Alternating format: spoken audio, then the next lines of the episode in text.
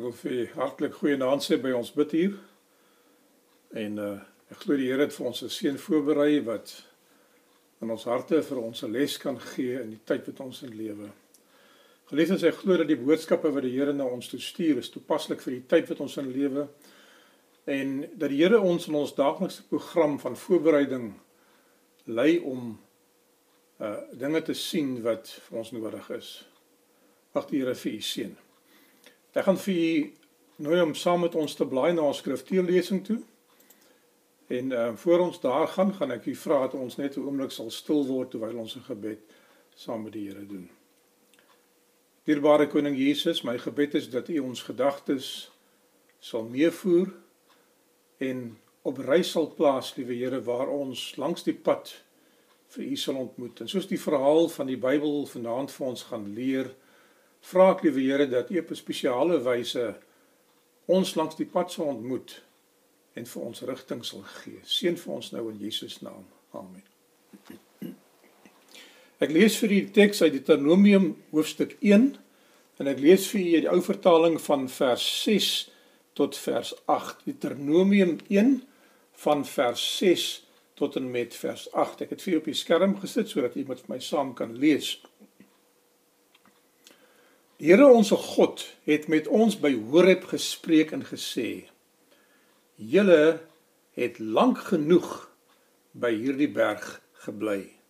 Trek weg en breek op en gaan na die gebergte van die Amorite en na die naburige vlakte, die vlakte van die gebergte in die Laagveld aan die suidland en by die Seekus en die land van die Kanaaniete in Libanon tot by die groot rivier, die Efraat rivier. Kyk, Ek gee die land aan julle oor. Gaan in en neem die land in besit wat die Here aan julle vaders Abraham, Isak en Jakob met 'n eed beloof het om dit aan hulle te gee en aan hulle nageslag na hulle. Mag die Here die geleesde gedeelte van sy woord seën terwyl ons saam voor sy aangesig verskyn. Ek wil begin met 'n verhaaltjie. Uh baie jare gelede, ek tel nie meer die jare as ons ouer word nie, maar ehm uh, toe ek nog 'n jong getroude man was en uh, ek is uh, ja, ek was al getroud gewees. En um, ek en Hanlie het gegaan op 'n staptoer van 3 dae en dit was by Sabie gewees as ek reg onthou. 'n Gemengde groep, die Pretoria Oos gemeente het het besluit om uit te gaan en hierdie staptoer mee te maak. Dit beslaan uit jeug uit, uit tieners uit, uit uh volwasse mense, uh middeljarige mense en en selfs 'n paar oues. En die wat energiek vooruit stap, die styltes uithardloop en dan op die hoofgroep sit en wag soos Bobiane wat uitgerus is op die randjie in die son met hulle rugsakke af van hulle rug af. En ons het gewoond geraak en dat die jonges in die oggend gewet ywer het om vooruit te gaan en eers by die plekke aan te kom of ten minste die rusplekke of die afdraaipaaie te kom. Uh die getroude paartjies, die jong getroude paartjies wat half eenkant geloop het. Uh en ek gaan by sê tot hulle genoeg gehad het en dan begin meng het met die res van die groep. Die getroudes wat teen hulle eie pas moes loop, die mans en die vrouens uh wat vir verskeie redes dikwels saam of dikwels saam met die groter groep beweeg het. Die enkelinge wat die gom tussen die ander was. En u weet waarvan ek praat. As u miskien op 'n staptoer was, weet jy dat daar 'n natuurlike vermenging van mense plaasvind wat onwillekeurig gebeur soos mense omruil en gesels en dinge geniet afhangende van jou belangstelling, afhangende van die gesprek, afhangende van jou persoonlikheid en die dinge wat jy saam kan mee uh identifiseer. Die kinders in hierdie groep wat al van tevore gestap is, die ouer manne, nie in terme van jare nie, maar in terme van ervaring het vir ons dikwels langs die pad uh aanduidinge gegee vir ons raad en advies gegee van wat om te maak, hoe om ons vrag te dra, uh wat om te doen en wat om nie te doen nie om die om die die tog te vergemaklik en seker te maak dat ons nie beserings opdoen langs die pad nie, hoe jy nie moet moeg word nie en waar jy moet rus om uit te kyk na die bakens langs die pad en seker te maak ons bly op die regte roete. Hierdie was als dinge wat belangrik was. En natuurlik as jy 'n 12 km of meer staproete gestap het, per dag dan het jy 'n sekere pas gehad en hulle was die pas aangeers Terwyl die wat vooraf geloop het en die wat agterna gekom het uh by die hoofgroep probeer bly het, was daar mense wat gesê het ons moet vinniger stap of ons gaan bietjie rus. Ons het nog genoeg tyd in die, in die daglig. Hulle wat die roete geken het, wat die spoorsnyers was.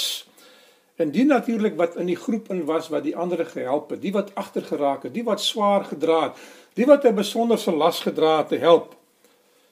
Die spore was dikwels op klippe geverf gewees, op klein klippies wat met voetjies gemerk is.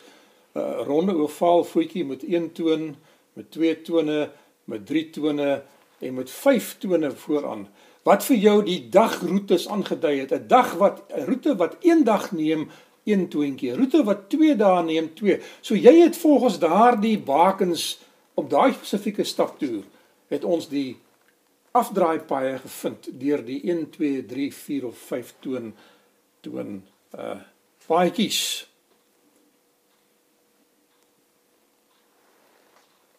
Die roete wat ons eintlik moes stap is 'n 5 dae roete, maar ons het hom 'n 3 dae roete gemaak. So ons het by die 3 dae tone afgedraai. Goed, ek ken die proses. 'n 3 dae roete is bietjie vinniger as 'n 5 dae roete afhangende van hoe jy stap. Ek het saam met hom Andre gestap. Uh, hy was 'n bietjie baie ouer man as ek gewees. Hy was in die weermag, maar hy was fiks geweest. En hy was 'n kenner van staptoere gewees. En uh, ons het nogal bietjie gesels oor 'n paar dinge. Hy was ouderling in die kerk, ek was 'n ouderling in die kerk gewees op daardie stadium. Hy was 'n uh, 'n hoë offisier in die weermag gewees en ek gaan nie verder daarop uitbrei nie. Maar Andre Klopper, die van u wat hom ken. En ehm um, ons het tussen die groepe beweeg. Ons het 'n speletjie daarvan gemaak om te kyk na die spore van die mense wat stap en om die verskillende skoenspore en die manier wat die skoen trap en die plekke waar mense afdraai en ronddraai want baie het gaan fotos neem, baie het gaan goedjies kyk langs die pad en ander het reguit gestap, ander was haastig, ander was stadig geweest. En ons het agtergekom dat deur na die voetspore van die mense op die pad, die grondpad te kyk, kon ons agterkom wat hulle doen in 'n mate, maar veral wie hulle is. Ons het spore geïdentifiseer en ons het nog hulle uh gekyk of ons reg is om die verskillende spore te identifiseer van waar mense gestap het. En ons was nogal baie akkuraat geweest. Die jeug was natuurlik wat vooruit gewees vir die groot groep uit en in die derde dag het ons die agterhoede gevorm want ons wil seker maak dat almal by hulle bestemming aangekom het. Terwyl ek in die eerste 2 dae saam met my vrou gestap het, saam met ander mense gestap het, ek het by verskillende groepies aangesluiting gevind sodat ek met mense kan meng op 'n staptoer. Ek was nie die leraar van die gemeente gewees op daai stadium nie. Ek was maar net 'n gewone lidmaat gewees. Maar op 'n staptoer het ek altyd probeer in die la, later jare ook om soveel as moontlik met mense te meng.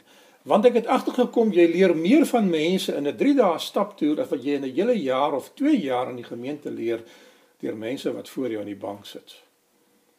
En uh, as jy wil iemand leer ken, gaan stap saam met hulle roete. Dan sien jy hulle soos hulle werklik is. Hoe hulle praat, hoe hulle optree, hoe hulle dink, hoe hulle teenoor ander mense reageer. Ons was in die agterhoede gewees. Dit was ongeveer 12 uur dag gewees. En ek sê vir hom ander, ek sê daar is twee spore van twee jong manne wat nie meer by die hoofgroep is nie. Ek sien hulle nie. En hy het vir my gesê, Kom ons kyk en ons het geloop en gekyk tussen al die spore deur of ons hierdie twee spore uitken want hulle het 'n kenmerkende spoor gehad.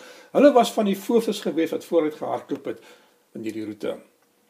En uh hy sê vir my, weet jy, ons het so 'n halfuur gelede by 'n afdraai pad gekom waar die vyf spoor pad afgedraai het. En die drie spoorpad in 'n ander rigting moes gaan en die ander een wat aangegaan het reguit vorentoe het 'n ander ander spoortjie gehad vir ander dae. Ons het besluit ons gaan ons rugsakke daar los by mense en gesê wag vir ons, ons gaan terugstap en kyk of ons hulle voetspore kry. Ons het teruggestap tot by daardie, dis ongeveer 'n halfuur geneem om terug te stap. En ons het nie ver in daardie roete ingestap nie, toe kom ons agter die twee voetspore wat ons soek wat by die hoofgroep hoort, het die afdraaipad gevat op die 5 dae roete en 'n baie groot stuk bygevoeg tot die roete. Ons het beraadslaag wat is die beste plan om te maak. Hierdie mannetjies het vroeg in die oggend al beweeg. En uh hulle is ver voor die groep uit gewees. En 'n ander hy sê vir my hierdie ouens het al ver getrek toe hulle hier afgedraai het. Want hulle spore is doodgetrap deur die ander. En uh, ons het besluit omdat ek die jongste was, het ek die voorstel gemaak ek sal daardie roete volg en kyk of ek hulle kan inhaal. En hy het onderneem om wanneer hy terugkom by my rugsak waar hy gelos was, dit saam met die ander mense te deel en my rugsak verder te vat sodat ek nie daardie bykomende las op my moet hê nie, sodat ek so vinnig en so ver as moontlik kan beweeg om terug te kom. Lang storie kort te maak, ons het begin, ek het begin draf. Ek het twee, nou ek was eintlik fiks in daai tyd. Ek was besorg oor my gesondheid gewees en ek het 'n program gehad wat ek geoefen het en gedraf het in die dag. Ten minste 3 keer 'n week het ek gaan hardloop en ek het vir myself roete afgebaken in 'n afstand sodat ek kon weet en ek was redelik fiks geweest en uh, ek het vir 2 en 'n half ure gehardloop waar ek hardloop en stap en hardloop en stap en myself druk teen 'n sekere pas met die doel om hierdie manne in te haal voor hulle te ver gaan en u kan verstaan dat ek in hierdie tyd ook baie gebid het en vir die Here gesê Here vertraag hulle tog dat hulle nie so ver vooruit sal gaan nie. Ek kom by een van die manne af, die jongste een van die twee. Ek vra vir hom, "Waar is jou broer?" Hulle was broers gewees. Hy sê nie hy het vooruit gestap. Ek wag, ek het gewag vir die ander om te kom, maar hulle kom nie. Ek weet nie wat aan die gang is nie. Ek sê, "Ja, my vriend, jy is jy is op 'n verkeerde roete." Die mense is al verby die afdraaipad. Jy moet teruggaan. Jy moet 2 ure terugloop. Ek het vir 2 ure gedraf. So jy is jonk. Jy sal moet uithaal wat jy kan Haal uit jou sak uit wat wat nie wat jy nie nodig het nie. Los dit hier, dis nie belangrik nie. Maak dat jy terugkom by die hoofgroep sodat jy kan aansluit jy vanaand kan by die plek kom. Ons wou graag 5 uur die aand by die by die afsluiting van die roete gekom het.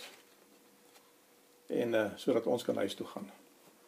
Dit was 'n lang naweek gewees. En uh hy het die pad gevat terug op sy spore om weer by die hoofroete aan te sluit en die ander in te haal en saam met hulle by die eindpunt aan te kom. Ek het aangehou hardloop. Ek het nog vir ongeveer 'n uur gedraf. Toe kom ek by 'n groot berghelling gewees, onthou ek. En uh, ek sien die mannetjie daar op 'n koppietjie sit en kyk na die pad. Ek het hom geroep by sy naam, ek gaan nie sy naam noem nie. En vir hom gesê my vriend, jy is op 'n verkeerde pad. En uh, ek het vir byna 3 ure, jy weet waar jy afgedraai het. En die afstand wat jy afgelê het, dis 'n lang afstand. Ek sê ons kan nie teruggaan op daardie pad nie. Ons gaan dit nie maak in tyd nie. Ons het te veel tyd verloor. Van daardie afrit af was dit 'n 4 ure gewees nog na die eindbestemming toe met die 3 ure wat ons op hierdie pad was. En dit was al reeds teen daai tyd 3 uur 4 uur die môre gewees. Ek was 'n kartograaf op daai stadium. Ek het by Pretoria se tekenkantoor gewerk as 'n kartograaf en ek het later aan by die Nasionale Raad vir Blindes gewerk. En ehm um, ek sê vir 'n uh, jong man die na die kaarte kyk, kom ons plot 'n roete. Ons het nie instrumente gehad, kompas en sulke dinge nie, maar volgens die kaart wat ons het, waar die son wat ons gebruik en ons kyk of ons kan insny deur die bosse om by die hoofroete aan te sluit. 'n Geweldige lang stuk pad en ons het 'n kans gevat. Ons het 'n gebed gedoen en ons het daardie pad begin vat deur die onderbergsame plekke. Nou daar was nie 'n gebaande weg verder nie. Ons moet deur die bosse gaan, ons moes oor die rande klim, ons moes deur slote gaan. En soms het ons skeef gegaan en volgens die son wie ons rigting probeer regdraai om seker te maak ons kom toe tyd. Ons het maar gebid langs die pad ons gestap dat Here as ons 'n verkeerde rigting inslaan en ons verdwaal, dan gaan ons nie by die kamp uitkom nie. Dit gaan nag word en dit gaan dit gaan die ander mense ook in gevaar stel wat dan vir ons gaan kom soek. Hulle gaan nie weet waar ons is, hulle gaan nie weet wat ons gedoen het nie. Hulle gaan heel waarskynlik die spoor terugvat op die pad. En hier is vir my 'n paar lesse. In eerste plek as 'n mens die pad as 'n mens afdwaal van die hoofgroep af, moet jy teruggaan na waar jy die pad gesien het. Moenie in die bosse ronddwaal nie want mense gaan jou nie daar vind nie. Goed. Ons het ongeveer 6:30 die aand by die hoofroete aangesluit en die res van die pad gevat. Dit was al donker geweest toe ons by die by die eindbestemming aangekom het.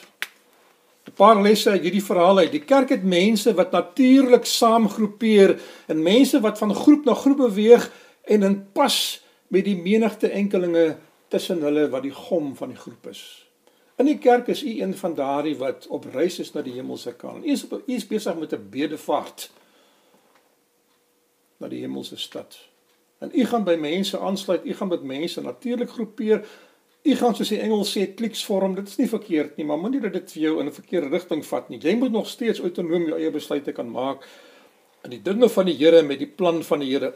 Daar is veiligheid om in 'n groep te beweeg. As jy 'n enkeling is en jy beweeg alleen, dan kan die Satan jou aanval. Jy kan die pad byster raak, jy kan moeg raak, jy kan 'n ongeluk oorkom en dinge kan met jou gebeur.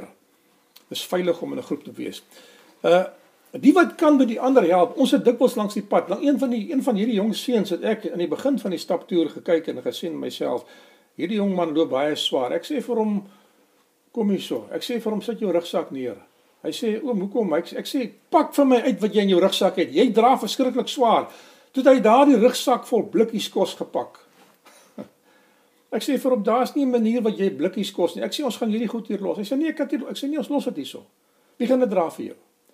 En ons het uit ons rugsakke uit kos uitgehaal en vir hom sy rantsoen aangevul en ons rantsoen minder gemaak. En van daardie blikkies in ons sakke ingepak sodat sy las ligter kan wees. Daar is snaakse dinge wat mense op staptoere vat. Mense stap met verkeerde skoene. Mense stap met verkeerde klere. Mense bring te veel klere. Jy het nie baie klere nodig nie. Een stel hoogstens twee stelle. En 'n paar sokkies en ander goedjies. Jy het nie hier apteek nodig behalwe as jy dit nodig het nie. En ek noem vir jou dingetjies wat maar net so terloops is. Langs die pad het ek gesien hoe mense mekaar help mekaar se laster aan mekaar bemoedig. En die wat ons het met tye het ons die wat swaar gedra het se rugsakke gevat en dit vir hulle gedra vir 'n en totdat hulle weer asem gekry het om aan te gaan. Ja. Die wat verkeerd gekies het by die begin. Die wat verkeerde skoene aangetree het, sy voete was na die eerste dag vol blaase en ek onthou die een van ons uh susters, Suster Mercia het uh uh die pleisters uitgehaal en hulle gewys waarop die hakskede en waar onder die tone hierdie pleisters te plak en te sê julle haal dit nie weer af tot die staptoer verby is nie anders gaan julle voete se verder dit nie hou nie. Julle skoene is verkeerd. Jy gaan stap nie met 'n nuwe paar skoene op 'n staptoer nie. Jy trap hulle uit voor die tyd voordat jy met hulle gaan stap goed jy ken al die dinge en natuurlik om die afgedwaaldes terug te kry. Die wat ver vooruit hardloop te vermaan om nie te ver vooruit te gaan nie vir die ander te wag. Ek wil 'n verhaal met u deel van die boek Numeri en Deuteronomium. En u kan so intoe blaai as u wil. In ehm um, Numeri 10 vers 12. Numeri 10 vers 12 wil ek gou-gou vir u gaan gaan gaan gaan uh ek het ook die regte teks in Deuteronomium nie. Kijk, een oomlikje kans.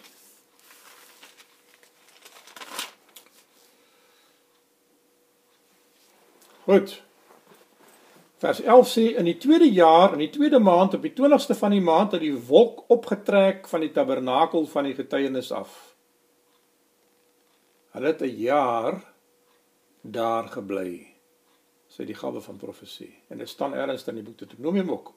En die kinders van Israel het van die plek tot plek weggetrek uit die woestyn Sinai en die wolk het gaan rus in die woestyn Paran. So het hulle dan die eerste keer weggetrek volgens die bevel van die Here deur die diens van Moses.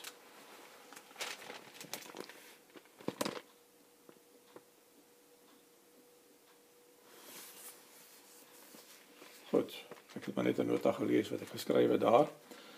Die Bybel sê daar was 'n gids met die naam van Hobab, die seun van Reuel wat Jethro is, 'n Midianiet, die swaar van Moses met ander woorde. En Jethro stuur hom na Moses. Nou toe Jethro vir Moses besoek het en vir Miriam na hom toe gebring het of Sipora na hom toe gebring het, skus, nie Miriam nie, Sipora na hom toe gebring het. En sy twee seuns om by hom aan te sluit om nou na die beloofde land te gaan, het hy sy seun ook saamgebring en hom daar gelos om as 'n gids op te tree om vir Moses by te staan want Sipora sê vir Jethro Moses kry swaar. En nie vir omhou die verhaal, ehm um, hulle is nou al vir 2 jaar op die pad. Dis die tweede maand van Sinai na Paran hoofstuk 12 vers 12. Aan die begin was dit 'n fisiese gids wat hulle nodig gehad het wat die wêreld geken het. En ek wil hê jy moet die beeldspraak let wat ek nou op die gaan stel. Aan die begin was daar 'n fisiese gids wat 'n uitlander was in terme van die volk wat uit Egipte uitgetrek het, die swaar van Moses, die Midianiet. En sy kennis was van waarde gewees. Daar is soms dinge wat ons doen in die kerk waar ons die leiding en die kennis van mense in die wêreld gebruik maak. Dit is nie verkeerd nie. Dit is tot ons voordeel. En in Numeri 9 vers 21 tot 23 sê die Bybel vir ons en soms was die wolk daar van die aand tot die môre. As die wolk in die môre optrek, het hulle weggetrek of by die dag of by nag. As die wolk optrek, het hulle weggetrek of na 2 dae of 'n maand of langer As die wolk lank oor die tabernakel bly, die kinders van Israel in die laar gegaan en nie weggetrek nie en as dit optrek het hulle weggetrek. Nou nou iemand iemand iemand nou uh verstaan wat nou hier gebeur. Daar was tye wat die wolk met periodieke tye getrek het en daar is tye wat die wolk lang togte aangepak het vir die mense kon verduur en daar's tye wat die wolk langer vertoef het by 'n plek en dan het hulle gekamp en hulle dinge gedoen en u weet wat hulle als gedoen het in daardie tyd. God is in beheer. God neem oor van die fisiese gids. Is die as die les wat ek met u wil plaas. Daar is tyd wat die Here van mense kennis gebruik maak. Daar is tyd wat die Here leierskap gebruik, maar daar is tye wat die Here sê ek het 'n plan en ek wil my leiers beweeg om hierdie plan tot uitvoer te bring. Dit is die hoofles van hierdie verhaal. God neem die beheer oor. God die gids se taak is klaar. En hy gaan huis toe. Numeri 10 vers 29 is nou die verhaal wat ek hier ook wil by hier aansluiting vind. Interessante verhaal. Uh mense wat met ons saamgetrek het en dan weer wil teruggaan op die pad wat hulle gegaan het. En Moses het vir Hobab die seun van Reuel die Midianiet die swaar van Moses gesê: "Ons trek na die plek waarvan die Here gesê het, ek sal dit aan jou gee. Trek saam met ons en ons sal aan jou goed doen, want die Here het oor Israel goeie dinge gespreek." Maar hy het vir hom gesê: "Ek sal nie saamtrek nie, maar ek sal na my land en na my familie toe teruggaan." Toe sê hy: "Moet ons tog nie verlaat nie, juis daarom dat jy weet hoe onlaar moet opslaan in die woestyn en jy sal vir ons as oë dien. En as jy met ons saamtrek, sal ons daardie goeie wat die Here aan ons sal doen, ook aan jou doen." En hulle het van die berg van die Here af, dit is die berg Horeb of die berg Sinaï, 3 dagreise ver getrek en die verbondsark van die Here het 3 dagreise voor hulle uitgetrek om vir hulle rusplek te soek. En dan gaan dit weer voort en hy beskryf die proses waar die Here vir hulle gelei het met die wolk. Is die Here in hierdie tyd besig om die kerk te lei? Deur die dinge wat hy beheer of toelaat Is die Here besig om die kerk te lei deur die hoofleiers van die kerk, die predikante, die ouderlinge, die diakens, die kerkraad? Het die Here ander mense in die gemeente wat kundig is wat vir ons kan adviseer in die tyd wat ons uh in die laaste paar maande besig was uh met hierdie virus wat vir ons getuister het en ons uit ons normale rotines uitgeneem het, het baie mense in die gemeente die leiding geneem om vir ons te adviseer oor die regte en die verkeerde dinge. Geliefdes, daar gaan 'n tyd kom wat die Here vir u gaan sê dat hy weer die beheer van sy kerk gaan terugvat. En dat u taak klaar is. Vers 33 En hulle het van die berg van die Here af 3 dagreise ver getrek. Die berg Horeb, die berg Sinai. Interessant dat hierdie tog van Israel het begin met 'n 3 dae reis wat die Here vir Farao gesê het: "Laat my eersgeborene trek vir 3 dae in die woestyn in om vir my voor my aangesig te verskyn en aan my te offer." En almal moet trek met hulle huisraad, met hulle vee, met alles wat hulle het. Baie spesieus en dis waarom Farao moet vertrek. Hy het geweet hier's 'n plan agter die plan. Die Here het nooit 'n plan gehad om vir Israel net vir 3 dae aan die woestyn in te vat nie. Maar hy begin met 'n 3 dag reis, dagreis het ek al in 'n vorige boodskap met u gedeel en jy kan teruggaan en dit gaan kan weer luister as jy wil vergenoeg daarvan om Israel te beweeg om uit 215 jaar van intense slawerny en 'n 430 jaar van afsondering en vervreemding oor te gaan in 'n vrye volk om in die land Kanaan te gaan as vrymense woon het 'n bepaalde proses geneem. Watter prosesse moet die Here gebruik om die kerk te beweeg om sekere dinge en sekere aksies tot uitvoer te bring? Hy begin dikwels met 'n 3 dae naweek van gebed of met 'n kampvergadering om ons weer te motiveer en te laat herleef en te laat herbou. God waak oor hulle. Hy hou hulle voetspore dop. Deuteronomium 2 vers 7 Uh, nou nou ek gaan net nou vir iets interessant vertel van die boek Numeri en die boek Deuteronomium. Miskien moet ek dit nou al vir sê. Die boek Numeri is die verslag en die werklike fisiese gebeure wat in die geskiedenis opgeteken was. Die boek Deuteronomium is die notule van die vergadering.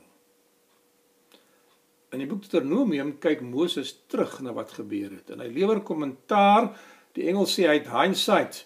Hy het nou ervaar, hy weet wat gebeur het, so hy kan nou kommentaar lewer op die besluite wat hulle gemaak het later aan Deuteronomium 2 het ek vir u gesê vers 7. Want die Here jou God het jou geseën in al die werk van jou hand. Hy ken jou trek deur hierdie groot woestyn nou 40 jaar lank. Onthou, onthou ek het vir julle gesê Deuteronomium kyk nou terug.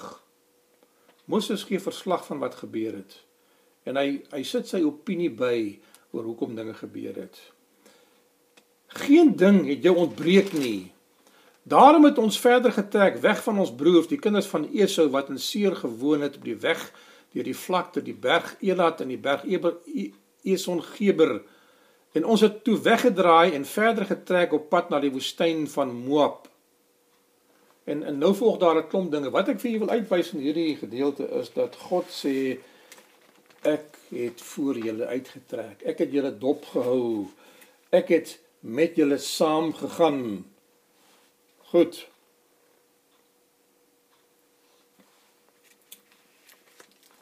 Nou het Israel 'n volksstruktuur. Hulle kamp in 'n sekere orde rondom die tabernakel wat hulle nou intussen in die 2 jaar wat verloop het gebou het. Hulle het nou die leviete aangestel na die goue kalf om die priesters en die bedienaars van die heiligdomstelsel te wees. So daar is 'n godsdienstige stelsel van onderrig en die priesters en die leviete kon nou die volk van Moses af deur die Here onderrig gee en geestelike leiding verskaf.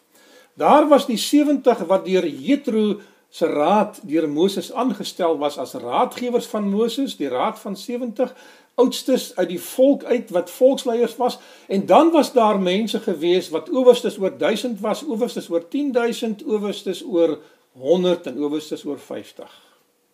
Met ander woorde 'n gesagsstruktuur. Moses kon 'n boodskap aan die hoofleiers gee soos ek dikwels in die kerk maak en die hoofleiers gee die boodskap aan die kerkrade en die kerkraad gaan na die gemeente toe. U ken verteenwoordigende bestuur. Ons kerk volg 'n verteenwoordigende bestuur waar die mense verteenwoordiging het op 'n hoër vlak en op 'n hoër vlak en op 'n hoër vlak tot by die wêreldkonferensie. Kundiges wat ons gekies het en by die Here ons mee gehelp het. Hulle is nou gereed om in Kanaan in te gaan. Ek wil dit vir julle baie duidelik stel dat Israel was nie gereed om van Egipte af reguit in Kanaan in te gaan nie. Die die boek Genesis sê vir ons dat die broers van Josef tussen 3 en 4 weke, 3 en 'n half tot 4 weke getrek het van Kanaan na Egipte om te gaan kos koop en terug te gaan. So dit was moontlik vir enkelinge gewees om daardie roete aan te pak. Die Here kon hulle binne 2 maande, maar die boek Genesis en Eksodus sê vir ons die Here vat hulle op 'n ander roete want daar was dinge wat sou gebeur langs die pad wat hulle sou ontmoedig. En hierdie volk se geloof was nog nie versterk nie. Hulle het nog nie genoeg vertroue in God gehad nie. Vir 2 jaar gaan hulle saam met die Here deur die woestyn totdat hulle gereed is om nou in die land Kanaan in te trek.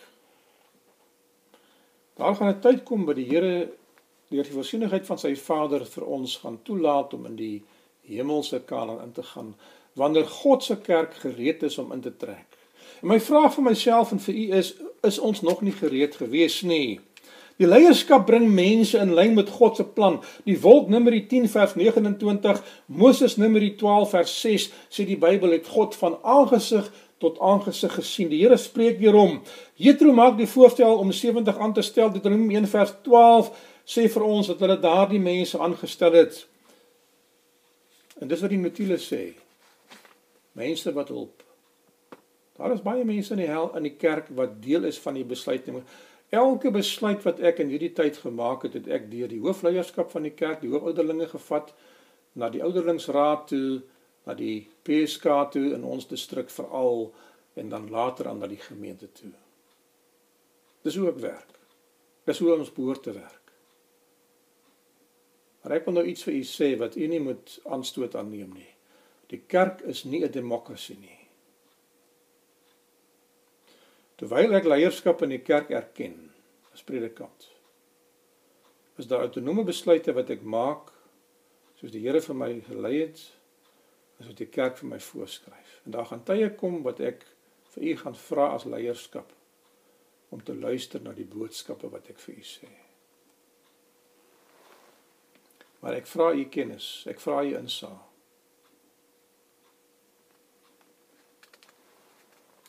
Numeri 11 en numeri 12 kom Moses se broer Aaron en sy suster Miriam op die toneel waar hulle die leierskap van Moses wil intimideer. En hulle voel geafronteer omdat Jethro vir Moses raad gegee het terwyl hulle nader aan Moses behoort te wees. En die Here het hulle gestraf want die Bybel sê vir ons dis uit hulle hoogmoed wat hulle dit gedoen het. Geliefdes, u moet nie toelaat dat in die kerk van die Here posisie en eer wat deur hoogmoed gedryf word of deur ander beweegreders vir u in oppositie bring met die kerkleierskap nie. As jy tussen die lyne lees wat ek vir u sê, sal jy verstaan as jy lank genoeg in die kerk van die Here is. In die afgelope tyd wat ek in die bediening is, het ek baie dinge in my lewe belewe. En as ek vir u raad gee uit my ervaring uit, moet jy seker wees dit is nie ligtelik nie. God se plan God se plan was nie om hulle reguit na Kanaan te neem nie. Hulle moes nie oorlog sien nie. Die volk moes gereed gemaak word. Die Here vat hulle verby Edom, hy vat hulle verby Moab. En hy sê ek gaan daardie land nie vir julle gee nie want dit behoort aan julle aan julle aan Abraham se nageslag ook. Die Ammoniete en die Moabiete. Die Midianiete was nageslag van Esau, nageslag van Lot. En hulle was ook kinders van die Here gewees. God leer hulle eers toe sorteer hy hulle uit. Toe straf hy die gemengde skare wat gedurig weer wil terugkeer na Egipte toe wat die leierskap wil verander, wat ander afgode wil aanstel.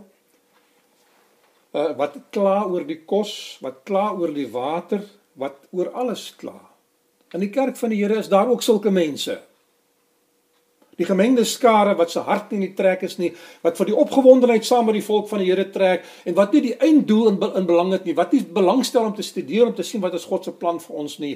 Dit is hulle wat onderling in die vergaderings en onderling onder die mense gerugte versprei. Ons moenie dit so maak nie, ons moenie so maak nie. En hulle is gewoonlik die mense wat ook teen die leierskap van die kerk in opstand kom. Hulle is ook die mense onder wie dwaalleer groei. Deuteronomium 1 vers 6 die notules van die Bybel, dit wat werklik gebeur het. Dit wat werklik gebeur het, maar voor ek voor ek voor ek daar gaan, moet ek net eers 'n tree teruggee. Net eers 'n tree teruggee. Nommer 10. Nommer 10.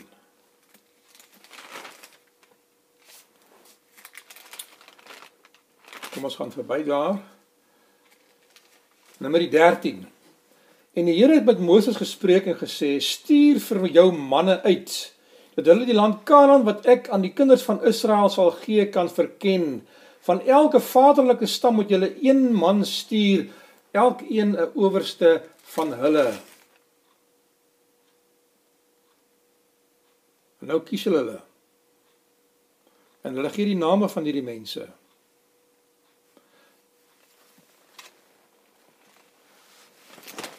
Hom 1 vers 6 Die notules van hierdie vergadering sê wat in die boek Numeri staan is nie 'n ware weergawe. En ek wil nou nie vir u leer dat daar teenstrydig hier in die Bybel is nie. Wat ek vir u wil wys is dat dat dit soos die verhaal verloop het, skrywe Moses die verhaal.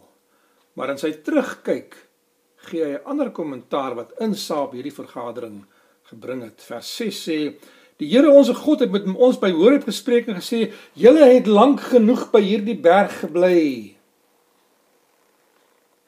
Ek het vir julle gesê dat die gawe van profesie sê hulle bly al 'n jaar by die berg. En daar's redes voor gewees hoekom hulle by die berg gebly het. God se plan was hulle moet vorentoe gaan, maar hulle bly by die berg vertoef en die Here los hulle. Verskriklike ding, die Here los hulle. Geliefdes, as die Here vir ons aanhou om vorentoe te gaan en ons gaan nie vorentoe nie, dan gaan hy ons dalk los vir 'n tyd lank. Totdat dit in sy plan is om vir ons verder te gaan. Julle het lank genoeg by hierdie berg gebly. God beweeg hulle na 'n plek waar hulle 11 dae van die grens af is. Nou, ek het 'n studie gemaak hieroor in die, Bybel uit en dit is nie vanaand se lesing met u nie.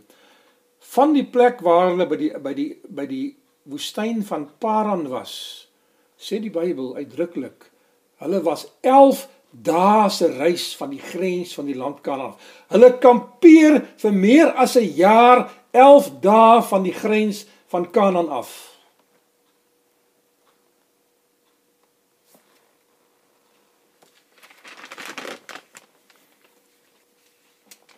Is ons besig om op die grens van Kanaan te kampeer en gemaklik te word, soos Israel wat in ballingskap gegaan het in Babylon en nie wou terugkeer nie.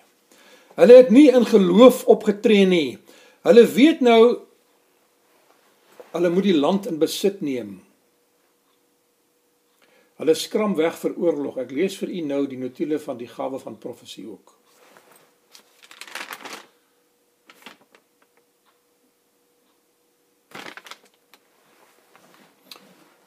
In Afrikaans sê ons hulle sleep voete. Hulle is bang vir konfrontasie. Hulle vat die maklikste pad. Hulle wag vir iets bonatuurliks, sê die boek Patriarge en Profete om te gebeur om vir hulle aan te dui hulle moet vorentoe gaan. 'n Teken of 'n wonder. Hulle was nie geestelik gereed om die land te verower en voort te gaan om dit in besit te neem nie. Deuteronomium 1:46. Nou u moet kyk in die notule van die boek Deuteronomium hoofstuk 1 waar Moses verslag lewer oor die laaste 40 jaar se vergaderings. Spring ons van vers 6 af waar die Here sê julle het te lank by hierdie berg gebly en alles tussen vers 6 en vers Ek sien waar is my teks nou? Vers 46 is die tussengebeure wat plaasgevind het. Vers 46 sê So het julle dan by die dae in Kades gebly, solank as julle daar gebly het. Goed. Kom ons gaan aan met die verhaal. God sê Numeri 13 vers 1 of die Bybel sê God sê stuur 12 spioene uit, verteenwoordigend mense wat namens die volk moet kyk en namens die volk moet besluit te maak. Dis die kerkraad. Dis die leierskap van die kerk. Dis die amptdraers. Die afgevaardigdes by die sessie. Die Here plaas hulle by Paran wat baie strategies is. 'n Demokratiese proses verteenwoordigend hy gaan namens die volk se raad. Familiehoofde, leiers, manne van gesag, Numeri 13 vers 3. Opdrag 2 Numeri 13 vers 18. Wat sê Numeri 13 vers 18 vir ons? Kom ons blaai so toe. Numeri 13 vers 18 sê die Bybel hierso en bekyk die land en hoe dit is en die volk wat daarin woon en of dit sterk of dit swak is en of dit min of baie is. Die mense wat hierdie 12 manne aangestel het, gee nou vir hulle 'n mandaat. Soos ons by die sessie maak met die mense wat ons afvaardig. Hierdie mandaat kom nie van die Here af nie. Dit is die mense wat as raadgewers in die vergadering optree waarvan ek net nou gepraat het.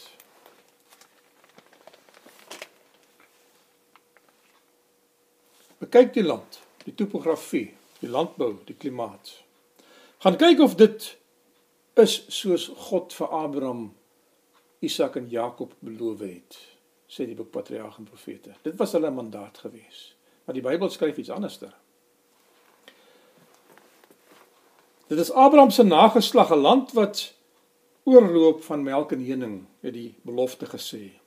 Hulle ouers het daarna uitgesien om daardie land in besit te neem. Hulle het so gespreek.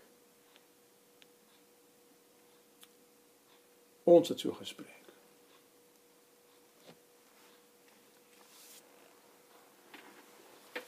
Hoekom is ons nog in die woestyn? Vers 19. Hoe is die land waar hulle in woon of dit sleg is of dit goed is? Hoe die stede is waarin hulle woon, dra laars of vestings? Hoe die land is of dit vet of skraal is of daar bome is of nie? Wees dapper en bring die vrugte van die land saam.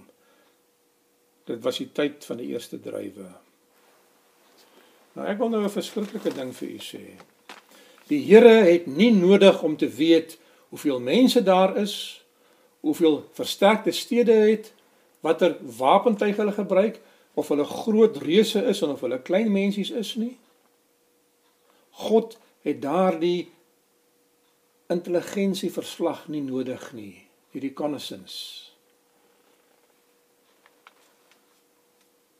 Die raadgewers onder die volk adviseer die verteenwoordigers wat om te gaan doen. Wat is die raad wat u as leiers tans vir die kerk gee? Wat moet hulle in hierdie tyd doen? En ek wil vir u waarsku dat die Here vir my en vir u sal verantwoordelik hou vir die raad wat ons vir mense gee. U moet nie uit u kennis uitpraat nie en uit u vakservaring uitpraat as u nie God geraadpleeg het nie want daar mag 'n geestelike les agter die dinge wees wat die mense oë raak sien. Vers 23 hulle bring 'n drywe tros terug wat so groot is dat hulle dit tussen twee mans moet dra. Nou doen hulle verslag Numeri 13 vers 25 tot 29. Wat is die verslag? Daarom het hulle tot by die dal Eskol gekom en daar 'n rank, okay goed, ek wil dit nie lees nie. En na verloop van 40 dae Hulle gaan 40 dae wat hulle vat om die land te verken.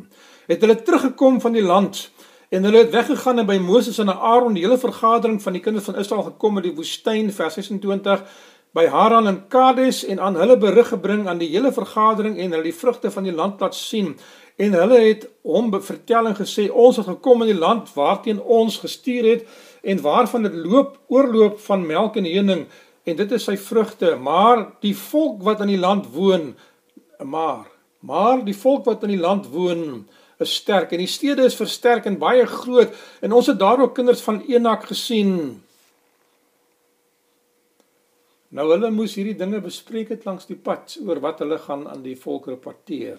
Wanneer ons 'n kommissie uitstuur om dinge te gaan doen, dan bring ons 'n verslag terug en ons berei daardie verslag van konsensus voort wat ons voor die mense gaan plaas. Die Amalekiete woon in die Suidland, maar die Hittite en die Jebusiete en die Amorite woon in die berge en die Kanaaniete woon by die see aan die kant van die Jordaan. Toe het Caleb die volk stil gemaak onder Moses en gesê: "Laat ons gerus optrek en dit in besit neem want ons kan dit sekerlik oorweldig." Vers 31. Maar die manne, die 10 wat saam met hom opgetrek het, gesê: "Ons kan nie een volk teen die volk optrek nie want hulle is sterker as ons." Die woord in die Hebreëse taal wat beteken versprei is om te fabriseer, om te versprei onder mense. Vers 32 sê So het hulle dan 'n slegte gerig onder die kinders van Israel versprei oor die land wat hulle verken het, dit te sê, die land wat ons deurgetrek het om dit te verken is 'n land wat sy inwoners verteer en al die mense wat ons daarin gesien het is groot manne.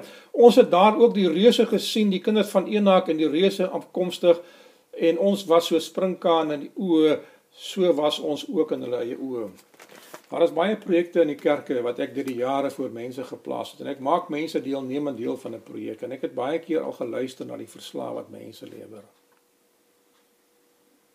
En ek het al spyt gekry dat ek mense gevra het om hulle opinie te gee vir my. Oor die jare. Die notule Deuteronomium 1, die gawe van profesie 2. Dit was nie God se plan volgens vers 6 om die 12 spioene te stuur nie. Deuteronomium 1 vers 6. Moses kyk terug en hy sê vir ons wat het nou werklik gebeur in hierdie verhaal? Wat het gebeur in hierdie verhaal? Moses wat die boek Genesis ook geskryf het in 'n geestelike sin, skrywe hier ook 'n verhaal. En wat sê hy vir ons? Die Here ons God het met ons by Horeb gespreek en gesê: "Julle het nou lank genoeg by hierdie berg gebly." Vers 21. Goed, ek wil net kyk, is 'n teks wat ek kort Vers 22. Kom ons gaan net so 'n bietjie terug. vers 20. Toe het ek vir julle gesê: Julle het tot by die gebergte van die Amorite gekom, want die Here ons God aan ons sal gee. Kyk, die Here jou God het die land aan jou gegee. Trek op, neem dit in besit soos die Here jou God van jou vaders jou gesê het. Wees nie bevrees nie en wees nie verskrik nie. Volgens Deuteronomium 31 vers 6. Vers 22: Toe het julle almal die volksleiers en hakkies na my toe gekom en gesê laat ons manne voor ons uitstuur dat hulle vir ons die land kan verken en ons berig kan bring aangaande die pad waar langs ons moet optrek en die stede waarby ons sal kom. En die saak was goed in my oë sodat ek 12 man uit julle uit elke stam een man geneem het. En hulle het weggedraai na die gebergte opgetrek tot by die dal Eskol gekom en dit verken. En nou vertel hy die verhaal Moses sê God het nie gesê hulle moet 12 manne kies nie. God het nie daardie inligting nodig om 'n strategie te beplan nie.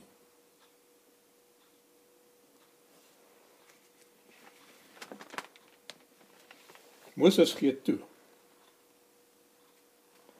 Die gawe van profesie sê eenvoudig, hulle die verkenners moes uittrek om 'n staptoer met God te gaan en sy visie vir sy toekoms te gaan sien. Ek gebruik my woorde nou. As jy 'n pad met die Here saam geloop het, leer jy die Here ken. En as jy die Here leer ken, het weet jy hoe die Here optree. Hoeveel keer gaan ek vir u nog sê dat die dinge waardeur ons in ons persoonlike lewens gaan, as ons in die skool van Christus is daagliks, sal ons voorberei vir die dinge wat ons in die toekoms op ons lewenspad gaan vind. En ons gaan leer en agterkom hoe God optree in voorspoed en hoe God reageer in teenspoed. En ons sal weet waar ons die Here kan vertrou en wanneer ons ons eie menslike krag op sy moet plaas en ons eie menslike gedagtes en ons eie menslike planne en ons eie menslike wysheid op die agtergrond moet skuif en sê as God gesê het stap vorentoe, stap jy vorentoe. Ongeag hierdie 12 manne moes 'n staptoer in die land Kanaan invat en die Here langs die pad ontmoet. Hulle moes dit in 'n geloofstog maak, nie 'n feite sending nie en ervaring saambring van hoe die Here hulle sal help. Hulle is die volgende skakel na die volk. Moses kan nie dit alleen doen nie. Hy het daardie leiers nodig. Die gawe van profesie sê God wou die 12 volksleiers gebruik om die res van die volk moed in te praat. Het hulle dit gedoen? Hulle moes groei van onkunde na kennis. Hulle moes ervaring met God opdoen, nie inligting insamel nie. Hulle moes groei van ongeloof na geloof. Hulle moes groei van vreesagtigheid na mannemoed. God wil hulle gebruik het om Israel voor te berei vir die volgende fase van sy plan. 3 dagreise uit Egipte uit, 2 maande tot by Egipte waar hulle by die berg Sinai gekom het en die wet ontvang het. 2 jaar uit Egipte uit waar hulle intussen uh, baie dinge gedoen het. God beskryf bevestig homself aan hulle deur aan hulle te verskyn op verskillende wyse en vir hulle te wys hoe hy vir hulle die pad oopmaak, hoe hy vir hulle lei, hoe hy vir hulle versorg. Hy bevestig die Moses leier, hy bevestig die Lewiete as die kerkleiers in daardie tyd. Hy bevestig die 70 volksleiers en die ander. Nou moet hulle 'n plan tot uitvoer bring. Nou vra hulle uitstel om die land te gaan bekyk. Die volk was gereed. Die plan was daar. Maar nou wil hulle uitstel om te gaan bekyk. Hulle is nog nie seker nie. Geliefdes, is u seker ons lewe in die laaste sluit van die wêreld se geskiedenis? Of dink u daar gaan nog tyd wees? Wat is die volgende godsdienstige fase wat uit hierdie inkampingstydperk gaan oorstap? Wat gaan gebeur in die hoofleierskap van die wêreld? Die wêreld is gewoond gemaak om na die stem van gesag te luister. As die hele wêreld tot stilstand gebring kan word in 'n kwessie van 1, 2 en 3 maande gaan hy dit nie reg kry om mense te kan laat oorstap in 'n godsdienstige rigting in op 'n ander vlak nie. Hoe lank het dit gevat om oor te skakel van Sabbat na Sondag? Dit het baie jare gevat. Om die volgende stap in werking te stel gaan nie baie jare vat nie want die wêreld is gewoond om te luister na die gesag van die strukture wat bo hulle gestel is. Geliefdes, ek is nie 'n profeet nie, maar ek sê vir u, ek sien in hierdie ding wat gebeur het, 'n plan van Satan waar hy meesterlik die mensdom in die hande van die wat hy beheer geplaas het deur vrees. En deur dinge dinge. Ek sê nie vir u moet jy onverskillig wees nie. En die veiligheid benadeel nie. Hulle moet die plan tot uitvoer bring om die volk te ooreed om in geloof vorentoe te gaan. Maar wat leer hulle op hierdie staptoer van 40 dae deur die land Kanaan? Hulle is 11 dae reis van die grense af. Hulle moet die land in besit gaan neem en verower. Hulle vra uitstel. Die volk is in die dal van beslissing. Die leierskap moet vir hulle raad gee. Watter kant toe sal die volk gaan? Ek wil vir u waarsku dat u moet pas op wat u as ouderlinge of as diakens of as kerkleiers of as kerkraad aan die mense deurgee. As die Here 'n groter plan het om tot uitvoer te bring. Geliefdes, ek het nie geplan om te sê wat ek nou gaan sê nie. Ek het nie negativiteit nou nodig in hierdie stadium van ons kerkbewoning nie. Ek verwag van die kerkleiers om hulle agter my te skaar as predikant en met die planne wat ons maak voorwaarts te beweeg.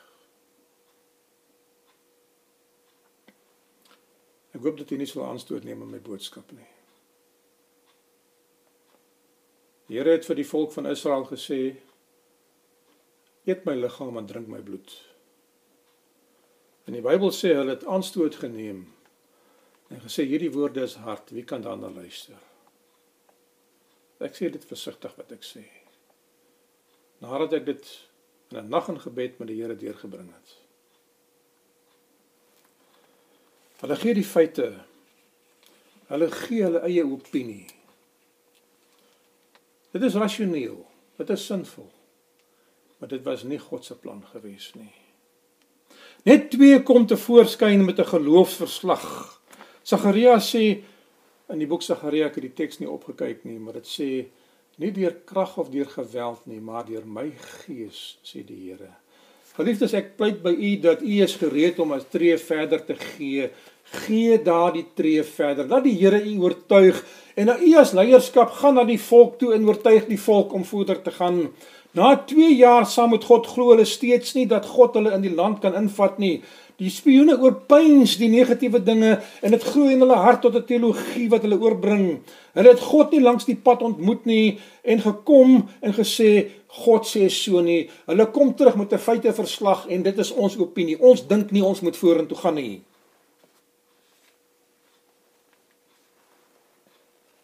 En die Bybel sê by dit alles het hulle 'n slegte gerug onder die mense versprei. En hulle die vrees wat in elk geval in die hart van die mense was nou vergroot. Deuteronomium 1 vers 7 en vers 8 sê Kyk, ek gee die land aan julle oor. Gaan in en neem die land in besit wat die Here aan julle vaders Abraham, Isak en Jakob met 'n eed beloof het om dit aan hulle te gee en aan hulle nageslag na hulle. Moses is besig met die verslag van 40 jaar. Trek op, trek weg. Ek gee die land aan julle soos ek beloof het. God gee julle 40 dae om terug te kom om te sê ons het gesien.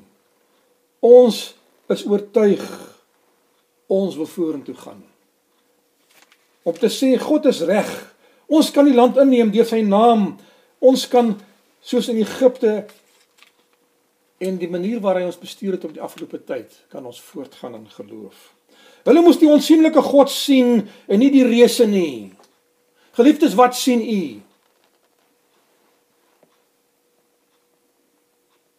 Onthou ek sê nie vir u iemand na die kerk toe stroom en die wetgewing oortree wat sê u mag net 50 gaan nie. Ek ek praat glad nie van kerkbywoning nie.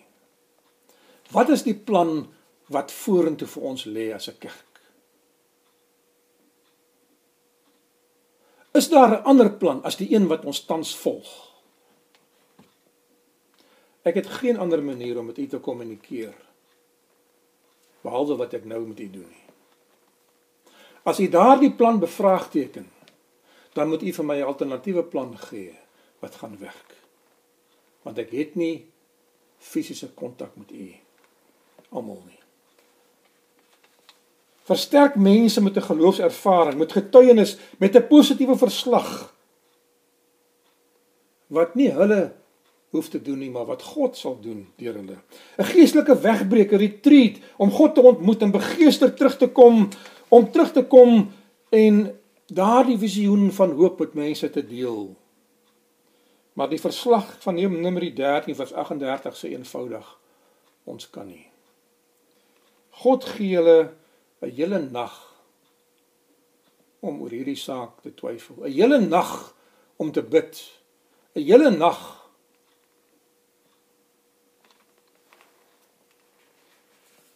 Ek het 'n plan na die eersleiers toe gebring vir nagmaal. Ek het die tyd gegee om daaroor te besin. U het vir my die antwoorde gegee. Ek wil u vra om nie oorhaastig besluite te maak nie. Om nie emosioneel betrokke te raak by die proses nie. Ek wil u vra bid oor die saak. Dat die Here vir u 'n plan kan gee oor wat is die pad vorentoe. Ons het mense wat ons moet doop. Ek is besig om te werk aan 'n plan hoe om by wetgewing verby te kom om daardie mense die reg te gee om die Here te volg op die regte manier. Daar gaan 'n tyd kom wat ek sal moet besluit wat ek gaan maak.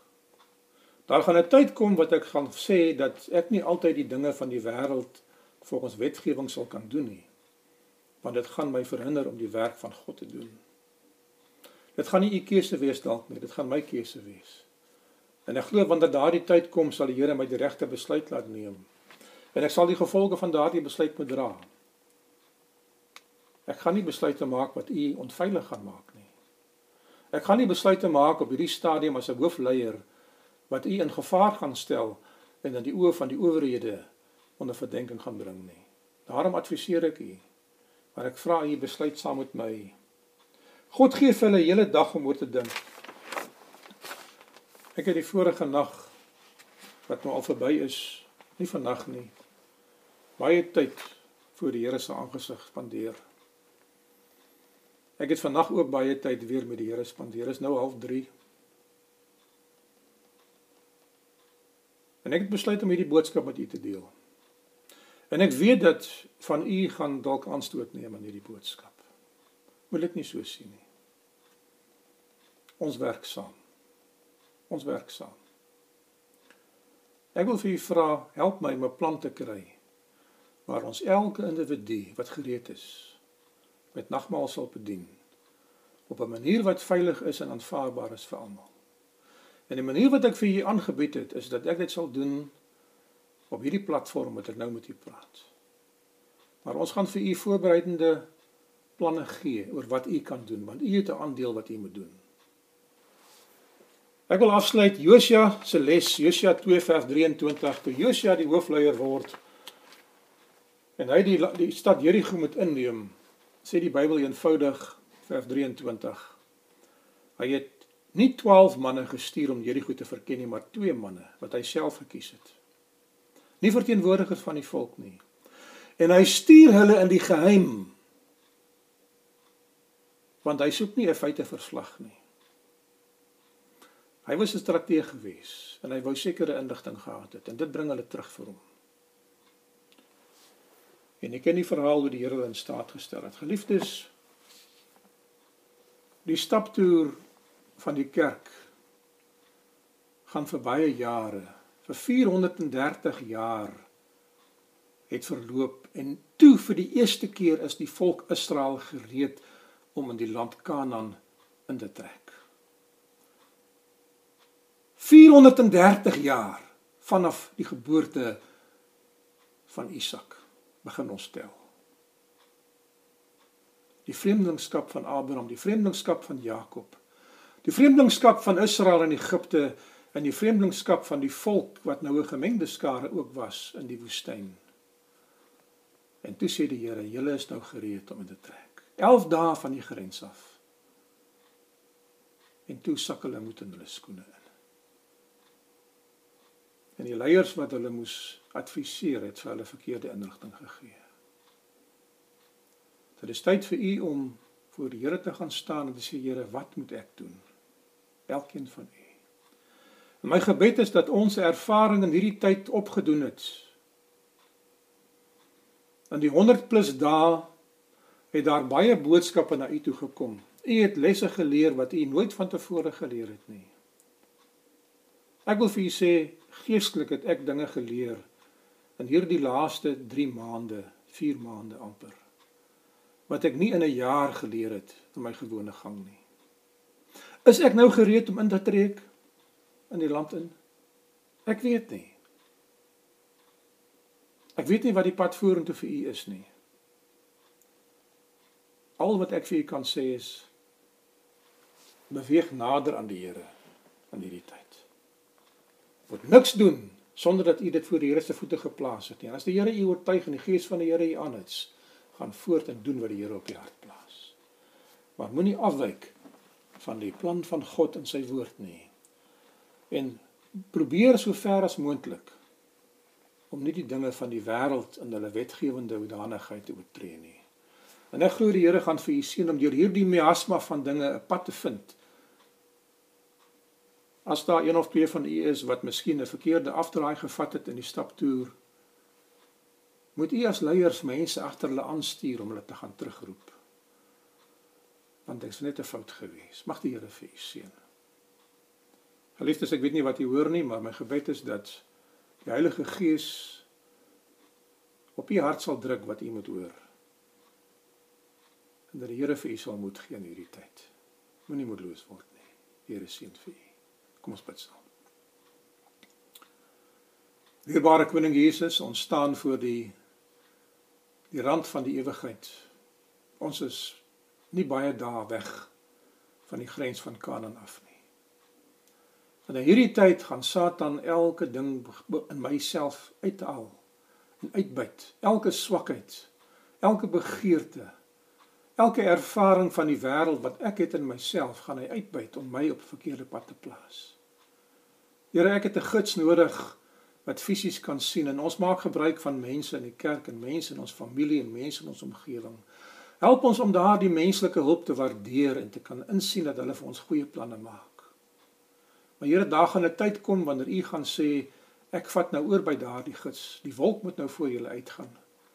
En ek gaan deur Moses vir julle instruksies gee, dan vra ek die Here dat ons bereid sal wees om daardie stem te hoor wat 'n hoër stem sal wees. Here, my gebed is dat ons sal saam staan as 'n kerk in die laaste dae. En dat ons sal triomfantlik wees om in te gaan in die land en dit in besit te neem. Dit gaan 'n moeilike stryd wees. Here gee vir elkeen van ons wat in hierdie stryd is krag en genade om dit deur te sien. Dankie vir u leiding. Dankie hoe u ons in die verlede gelei het. Geef vir ons moed om te verstaan dat u ons tog weer lei in die toekoms. In Jesus naam vra ek dit. Amen. Mag die Here vir u seën. As dit vir u moontlik is, kan u self tyd neem om voor die Here se aangesig te verskyn in gebed. As 'n gesin, as 'n familie, miskien, as miskien vriende wat bymekaar kan wees as dit wetlik moontlik is. Maar dat u die aangesig van die Here sal soek. Dit is bidtyd ook. En uh oor pyns wat ek met u gedeel het. Inteendeel oor pyns wat die woord van die Here met u gedeel het. Amen.